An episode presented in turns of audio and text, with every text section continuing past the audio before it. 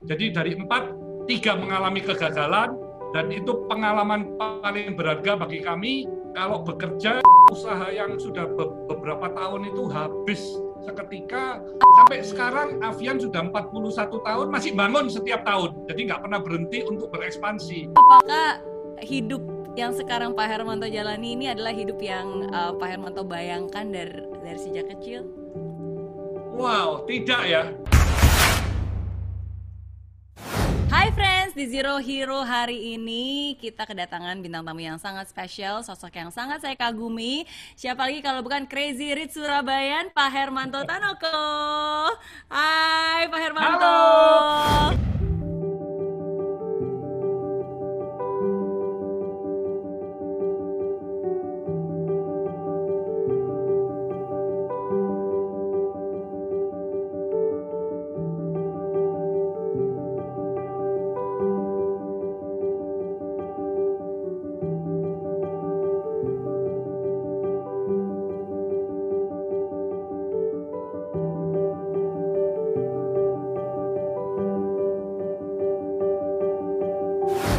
Miss Ferry dan semua teman-teman.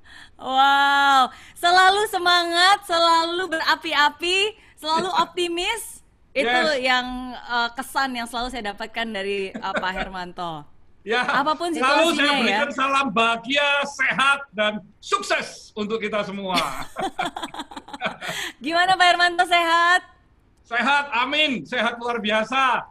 Uh, kami doakan juga Miss Mary dan semua keluarga sehat-sehat semua dalam masa pandemik ini ya. Mesti jaga kesehatan, jaga keselamatan. Amin, amin. Sama-sama Pak Hermanto. Dan Pak ya. Hermanto ini menjadi bintang tamu pertama saya yang uh, cerita-cerita lewat Zoom nih. Wow, di masa pandemi ini. Thank you, jadi yes, yes. Jadi lewat Zoom, tapi um, walaupun ada jarak, tapi ini tidak apa ya, tidak menghentikan inspirasi yang akan dibagikan lewat pengalaman hidup dan juga jatuh bangunnya dari seorang Hermanto Tanoko ya. Yes. Oke. Okay. Hmm, oke. Oke. Nah, Pak Hermanto, kalau tadi kita ngeliat dari profilnya ada begitu banyak pencapaian, uh, berlembar-lembar ini jabatan yang dimiliki sekarang, ber, bukan berpuluh-puluh, beratus-ratus juga perusahaan yang sekarang juga dihandle. Um, ya. Kalau saya boleh tanya, apakah hidup yang sekarang Pak Hermanto jalani ini adalah hidup yang uh, Pak Hermanto bayangkan dari dari sejak kecil? Wow, tidak ya jadi waktu hmm. saya masih kecil itu uh, impian dari papa ini memberi anak ini masing-masing satu ruko di depan rumah. Jadi papa nyiapkan lima ruko. Jadi kalau nanti anak-anaknya sudah besar bisa berjualan uh, an anak satu dan lainnya supaya tidak sama gitu. Maksud papa itu. Hmm. Emang awalnya cita-citanya um, diharapkannya menjadi apa, Pak Hermanto? Uh, waktu, kecil cita-citanya. Cita-citanya tetap menjadi pengusaha. Tapi hmm. kami waktu itu kan masih uh, membuka toko cat ya, Papa ya. Dan Mama kan hmm. kan toko kelontong. Jadi karena hmm. mereka tidak masuk di industri pabrikan, jadi mimpinya juga anak-anak juga dibukain toko gitu awalnya. Oke, okay, oke. Okay. Dan kalau kita lihat um, ada banyak banget ya Pak Hermanto udah sering banget berbagi ilmu, berbagi kisah, berbagi cerita bagaimana di masa kecil, bagaimana membangun perusahaan. Tumang yang hari ini saya punya kesempatan pengen nanya ke Pak Hermanto nih, dari begitu banyak hal yang sudah uh, pernah dicapai, yang sukses, sukses, sukses, yang mana nih yang gagal? Saya pengen denger yang gagalnya, momen titik terendah atau titik tersulit dari seorang Hermanto Tanoko.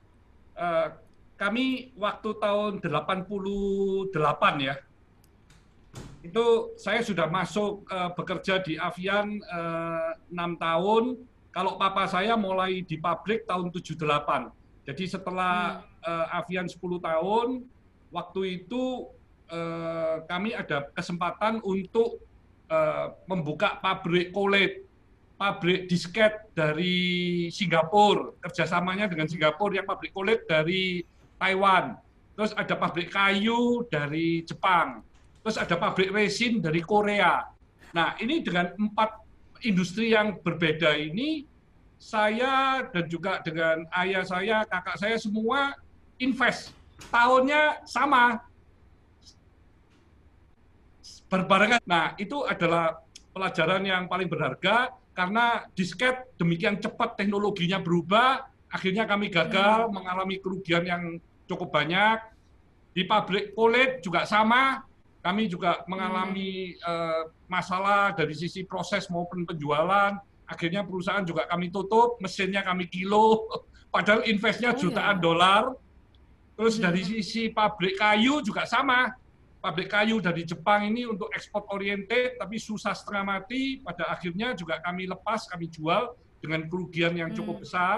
Nah, yang keempat, hmm. pabrik resin ini adalah bahan baku bahan bakunya cat. Ini yang membuat hmm. uh, kami punya pabrik cat ini semakin sulit dan semakin uh, bertumbuh dengan pesat. Jadi dari empat, tiga mengalami kegagalan, dan itu pengalaman paling berharga bagi kami kalau bekerja harus fokus jadi selama hampir 20 okay. tahun ini saya benar-benar fokus di cat. Cat dan diversifikasinya itu masuk ke integrated. Jadi masuk ke bahan bahan bakunya, masuk ke kemasan, masuk ke distribusi, masuk ke editif, yang semuanya related dengan cat. Nah, ini yang survive. Okay. Jadi setelah krisis baru kami mulai lagi karena sudah merasa yang catnya ini sudah mandiri, jadi kami mulai masuk ke industri-industri yang berbeda tetapi sesungguhnya related juga. Karena kami waktu di perusahaan cat ini selama 20 tahun kan invest terus, tidak pernah berhenti, setiap tahun hmm. bangun. Sampai hmm. sekarang Avian sudah 41 tahun, masih bangun setiap tahun. Jadi nggak pernah berhenti untuk berekspansi. Nah, dari okay. ekspansi itu setelah krisis, kami kan melihat begitu banyak peluang-peluang di properti, lahan-lahan, nah kami invest yang akhirnya menjadi hmm. sunrise property. Dari properti itu yes. banyak juga nih lahan-lahan yang uh, strategis tempatnya. Akhirnya kami buat hotel. Jadi kami punya bisnis hotel. Terus kami masuk okay. ke bisnis industri yang lain yaitu beverage. Terus masuk ke kosmetik dan masuk yang lainnya. Sesungguhnya itu step by step dan tidak berbarengan. Jadi kami benar-benar kalau hmm. masuk ke satu industri uh, secara bisnis plan-nya itu benar-benar sudah dimatangkan. Jadi tidak okay. tidak gerusa-gerusu pada tahun 88 ya. Karena kadang uh, kan kadang soalnya banyak orang mereka berusaha mencari kesempatan ya, tapi dan mereka ya. pengen punya banyak kesempatan, tapi sometimes having more opportunity bukan berarti itu sesuatu yang baik juga ya. Sometimes it could be a distraction. Benar ya. Dan dan okay. saya pada waktu masih muda ya, masih usia 30 30 tahunan ya, masih 30 32 hmm. tahun Wah, itu saya juga very agresif di dalam jual beli forex. Wah, itu forex hmm. yang yang saya bisa kan ini yuk bisa mainin ini kan bisa uh, ber, berkali-kali lipat ya. Bisa 100 kali Betul. lipat pun bisa kan ya. Jadi saya ya. saya mainnya itu sangat besar dan uh, dari keuntungan yang cukup besar di awal itu habis semua tapi uh, untungnya saya tidak mengalami kerugian yang cukup besar, tetapi itu sudah menyakitkan dan saya berhenti uh, bermain forex itu uh, tahun 97 98 ya waktu Krismon itu. Hmm. Karena itu pengalaman juga yang sangat menyakitkan dan sangat berharga bagi saya kalau kalau kalau uh, forex ini kan resikonya sangat besar dan hampir mirip dengan judi ya. Jadi memang harus hati-hati. Karena besar leverage-nya besar ya. Besar dan, dan tidak tahu iya. itu memang semuanya yeah. penuh dengan spekulasi ya dan jadi you bayangin kalau mainnya bisa puluhan kali atau bahkan ratusan kali itu kan resikonya sangat besar. Oke. Okay. Tapi Pak Hermanto saya memang setelah berhenti itu saya juga orangnya menjadi karena mungkin lebih matang jadi saya sangat tidak mau berspekulasi atau bermain judi. Ya, jadi bahkan kalau ke kasino satu dolar aja saya nggak keluar. Saya cuma melihat orang bermain, saya happy melihat orang bermain kalau menang bagaimana, kalau kalah bagaimana. Saya cuma pengamat aja sambil melihat mainnya. Itu itu saya nikmatin, tapi saya sama sekali tidak mau uh, ikut bermain bahkan satu dolar aja saya nggak mau. Jadi saya ngomong enggak lah, kalau main mau 100 dolar, mau 1000 dolar itu sama aja dengan uang dimasukin ke tong sampah. Buat apa? Ya lebih baik untuk makan-makan, untuk minum aja. Gitu. Itu Benar, prinsipnya benar, ya. benar, benar. Ya. Benar, benar, benar.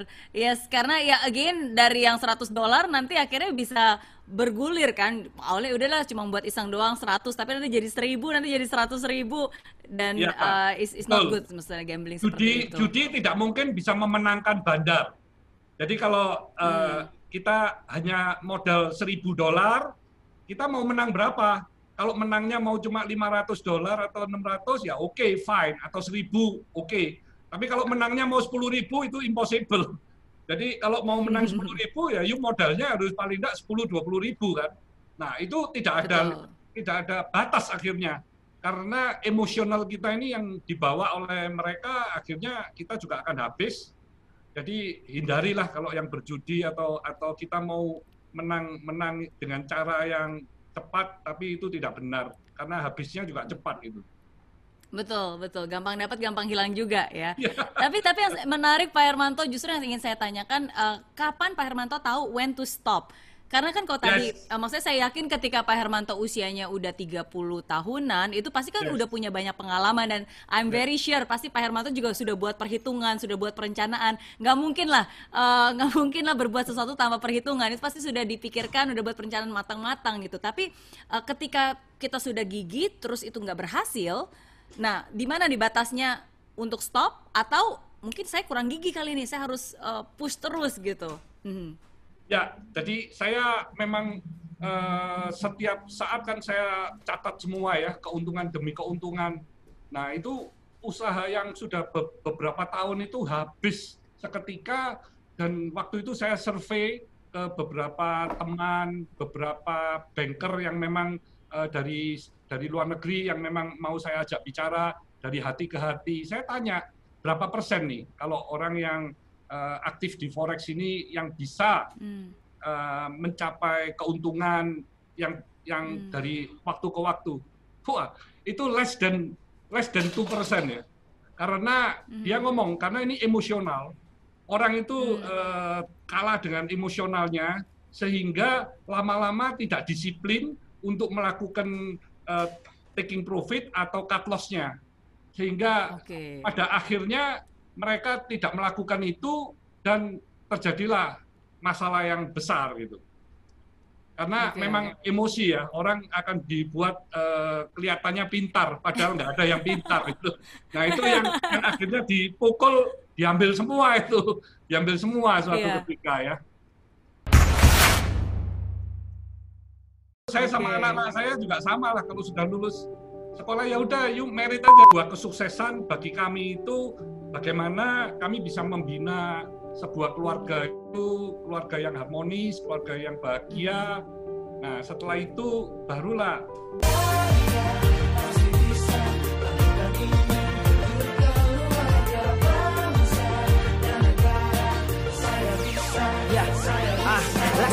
bumi tanpa hujan, hidup tanpa tujuan, kering dan mati tanpa hijaunya tumbuhan. Ah, demikian kalau mimpi tak kunjung terjadi.